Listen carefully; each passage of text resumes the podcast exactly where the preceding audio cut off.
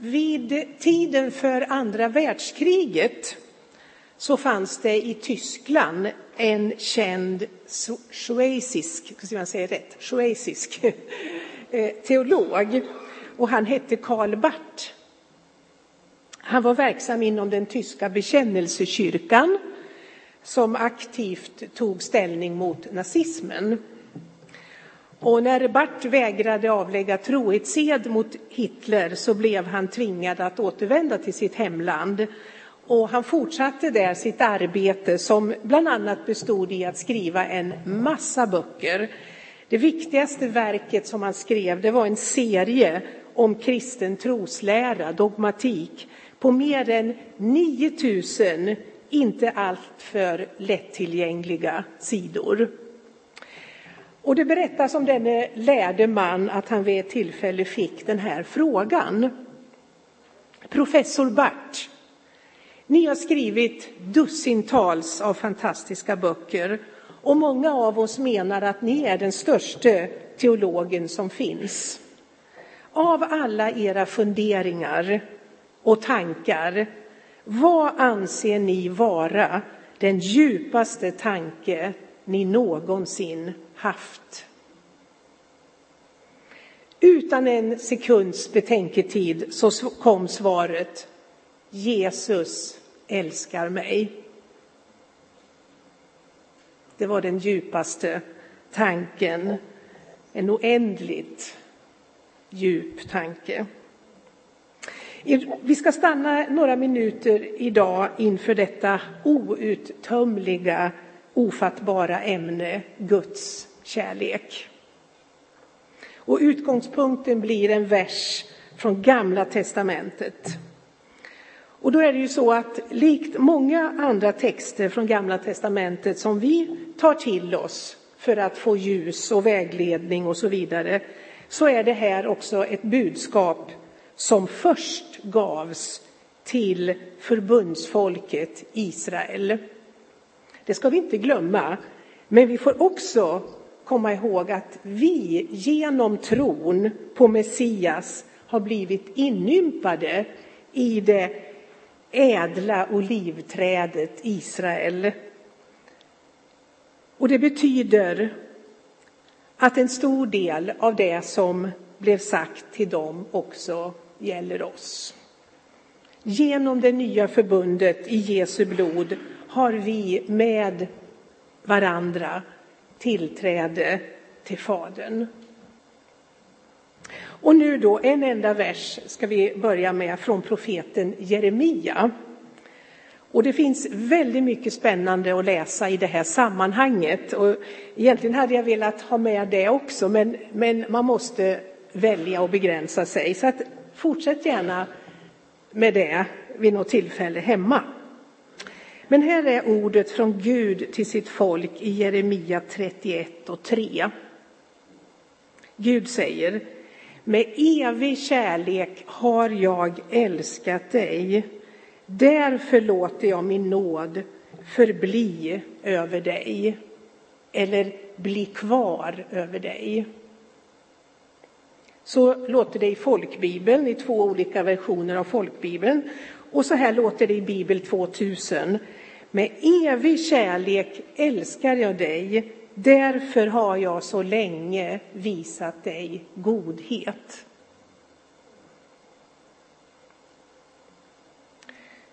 Vi sjunger den här sången tillsammans. Med evig kärlek har du älskat mig.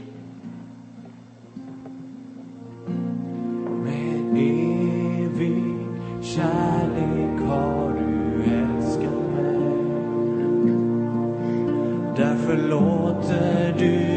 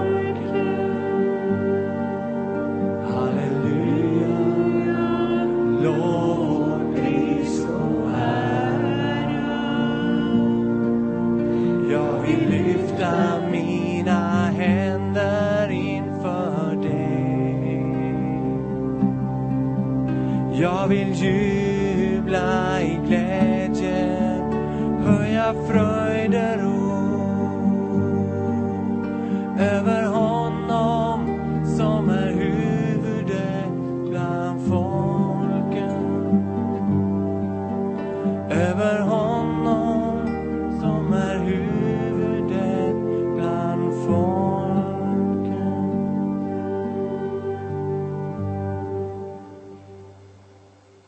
Och det vet vi vem det är som är huvudet bland folken, Jesus Kristus som har kommit till oss med Guds kärlek. Så som vi läste i den här versen, sådan är Guds kärlek mot sitt folk. Mot Israel och mot sin församling. Och sådan är han mot dig och mig. Och sådan är han mot världen. Han är full av kärlek och han handlar i nåd och godhet. De här båda orden för kärlek och nåd är typiska uttryck för Guds förbund med sitt folk. Och det här andra ordet, det som i våra biblar har översatts med nåd eller godhet, det har också en betydelse av osviklig trofasthet. Osviklig trofasthet. Ta en liten stund och bara smakar för oss själva på de här orden. Evig kärlek och osviklig trofasthet. Det är så Gud ser på dig och så han handlar. Evig nåd, osviklig trofasthet.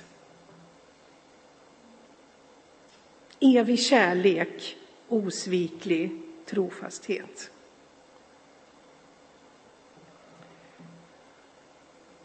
Guds kärlek är evig, utan början och utan slut. Men att hans kärlek är evig handlar inte bara, eller inte enbart, det är inte så bara, men handlar inte enbart om utsträckningen, utan det handlar Alltså inte bara det att den alltid har funnits i evighet och alltid kommer att finnas i evighet, utan att Guds kärlek är evig handlar också om kvaliteten i Guds kärlek. Guds kärlek är fylld av liv och skapande kraft. Den är oförstörbar, den är omätlig, den är utan gräns. Tänk här på Paulus bön för församlingen i Efesierbrevet 3 som vi redan har hört. En bön om att församlingen ska fatta bredden och längden och höjden och djupet och lära känna Kristi kärlek som går långt bortom all kunskap. Och jag tror att här ska vi inte tänka att fatta står för att begripa utan snarare för att låta sig gripas av. Men nu är frågan som vi kan ställa, varför älskar Gud? Johannes, den lärjunge som på ett alldeles särskilt sätt pejlade djupen i Guds kärlek, han ger oss ett klockrent svar med de här tre orden i första Johannes brev 4.16. Gud är kärlek. Det är därför han älskar. Orsaken till Guds kärlek finns inom honom själv. Just därför är den så pålitlig.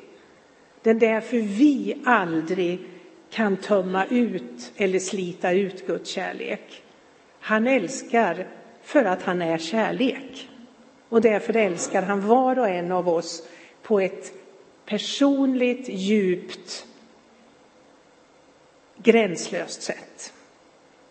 Gud är kärlek, Gud är evig kärlek. Det innebär också att Gud är, som någon har formulerat det, en evig gemenskap. Gud är en evig gemenskap. Hur skulle Gud kunna vara evig kärlek om han från evighet hade varit ensam? Ibland kanske vi tänker så att Gud var ensam och så skapar han människan för att inte vara så ensam. Men så var det ju inte.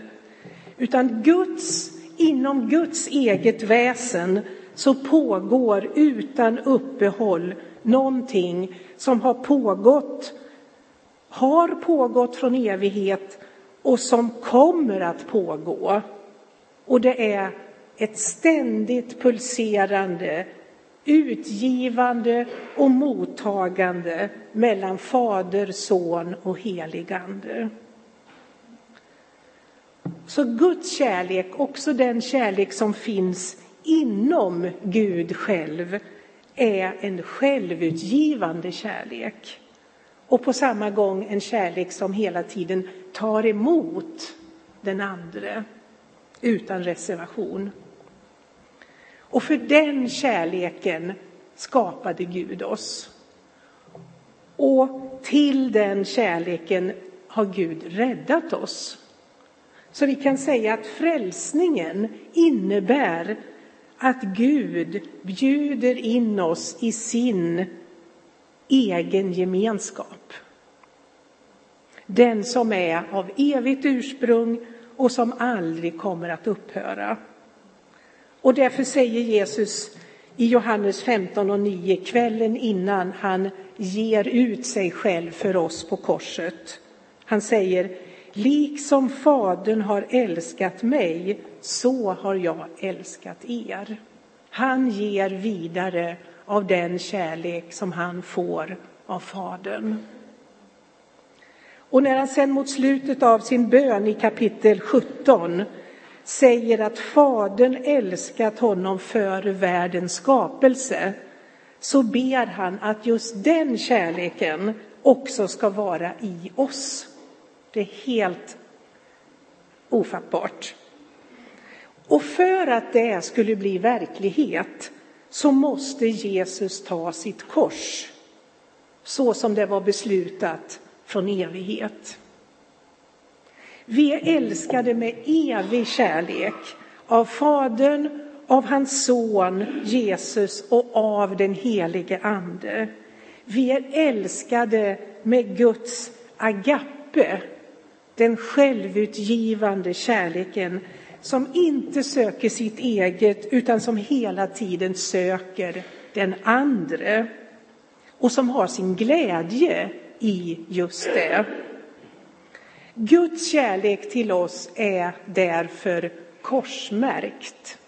Vi hörde i söndags om den korsmärkta församlingen och idag talar vi om den korsmärkta kärleken. Och det var inte så att Guds kärlek blev korsmärkt för cirka 2000 år sedan. Utan aposteln Petrus han skriver i sitt första brev i eh, kapitel 1, vers 19 och 20 att Gud har köpt oss fria med Kristi dyrbara blod som är blodet av ett lamm utan fel och brist. Och så säger han, han var utsedd redan före världens skapelse men har nu i dessa sista tider uppenbarats för er skull. Så innan skapelseverket ens var påbörjat så hade Gud redan i sitt hjärta gett sig själv som offer för att råda bot på vår kommande skuld, vilsenhet. Och samma budskap finns hos Paulus. I kapitel 1 av Efesierbrevet så talar han om att Gud redan före världens skapelse har utvalt oss i Kristus till att stå heliga och fläckfria inför sig i kärlek. I honom och genom hans blod har vi friköpts och fått förlåtelse. Och som vi redan också har hört i inledningen så i samma brev så betonar han att frälsningen är Guds eviga beslut. Ett evigt beslut. Det var inget snabbt ihop kommet eller liksom kris, eh, utan det var ett evigt beslut. Och även Johannes, eh, han säger i Uppenbarelseboken 13, kapitel, 13, vers 8 enligt vissa översättningar Lammet som är slaktat från världens skapelse. Hedegård är den svenska, den svenska översättningen som väljer det, men det finns på flera ställen. King James till exempel, den gamla hederliga. Alltså han talar om lammet som är slaktat från världens skapelse. Korset var så att säga rest från början. En norsk författare, Lyder Eng, han har sagt så här, han lever inte nu, men han har sagt så här om det här djupa mysteriet. Då Gud skapade världen var det på försoningens grund. Då mänskligheten föll i synd föll den på skuldrorna av ett lamm. Och där har den legat kvar allt sedan dess. Den fallna mänskligheten vilar på ett lamm. Sådan är Guds kärlek, Guds eviga kärlek.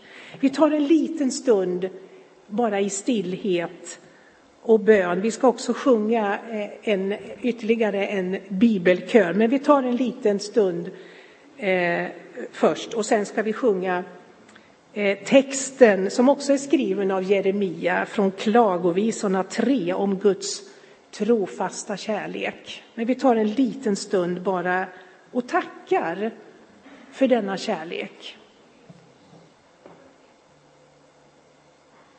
Tack för din eviga kärlek. Och tack för din osvikliga trofasthet. Och tack att den möter oss i Jesus Kristus. Allra tydligast vid korset.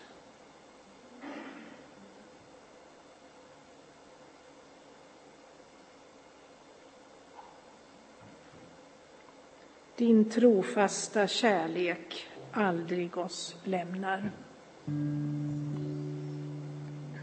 Din trofasta kärlek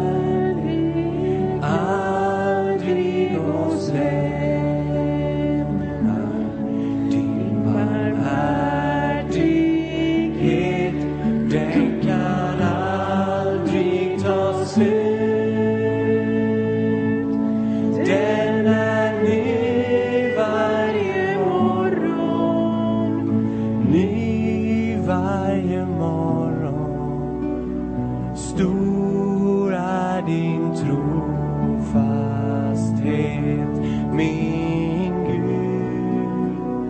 Stor är din trofasthet. Ska jag sjunga den en gång till då? Din trofasta kärlek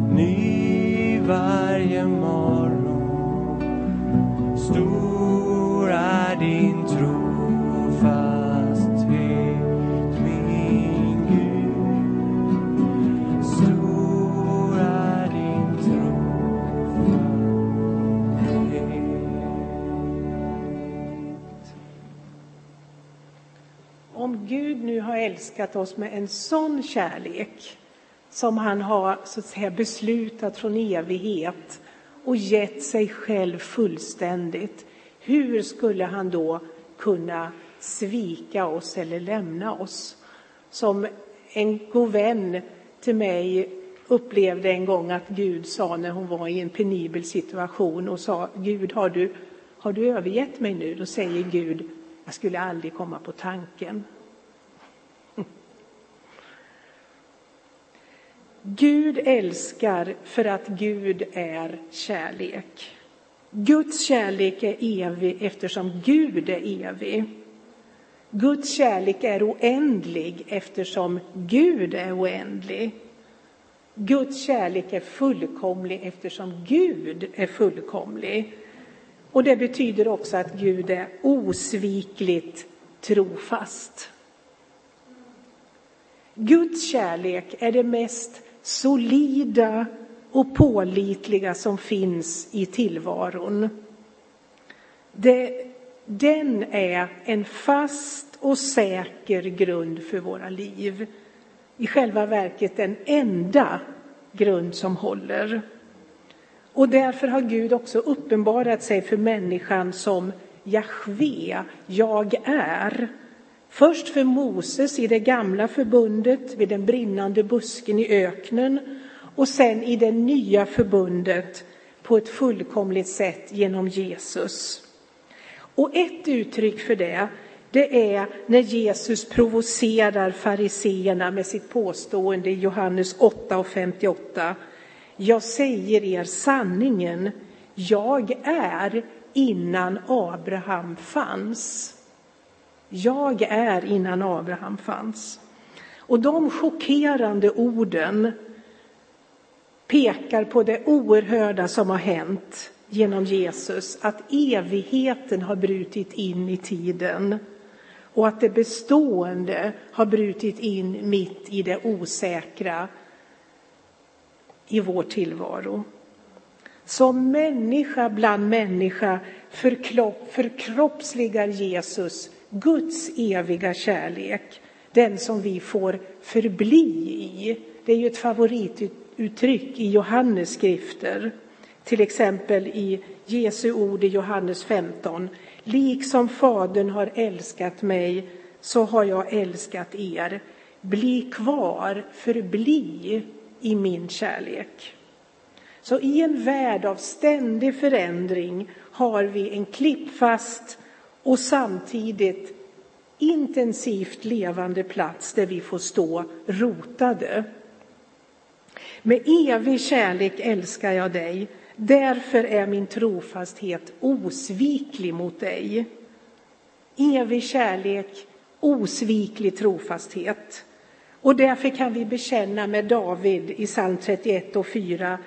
Du, Gud, är min klippa och min borg. Ingenting i tiden är stabilt och varaktigt. Våra egna liv och omständigheter förändras.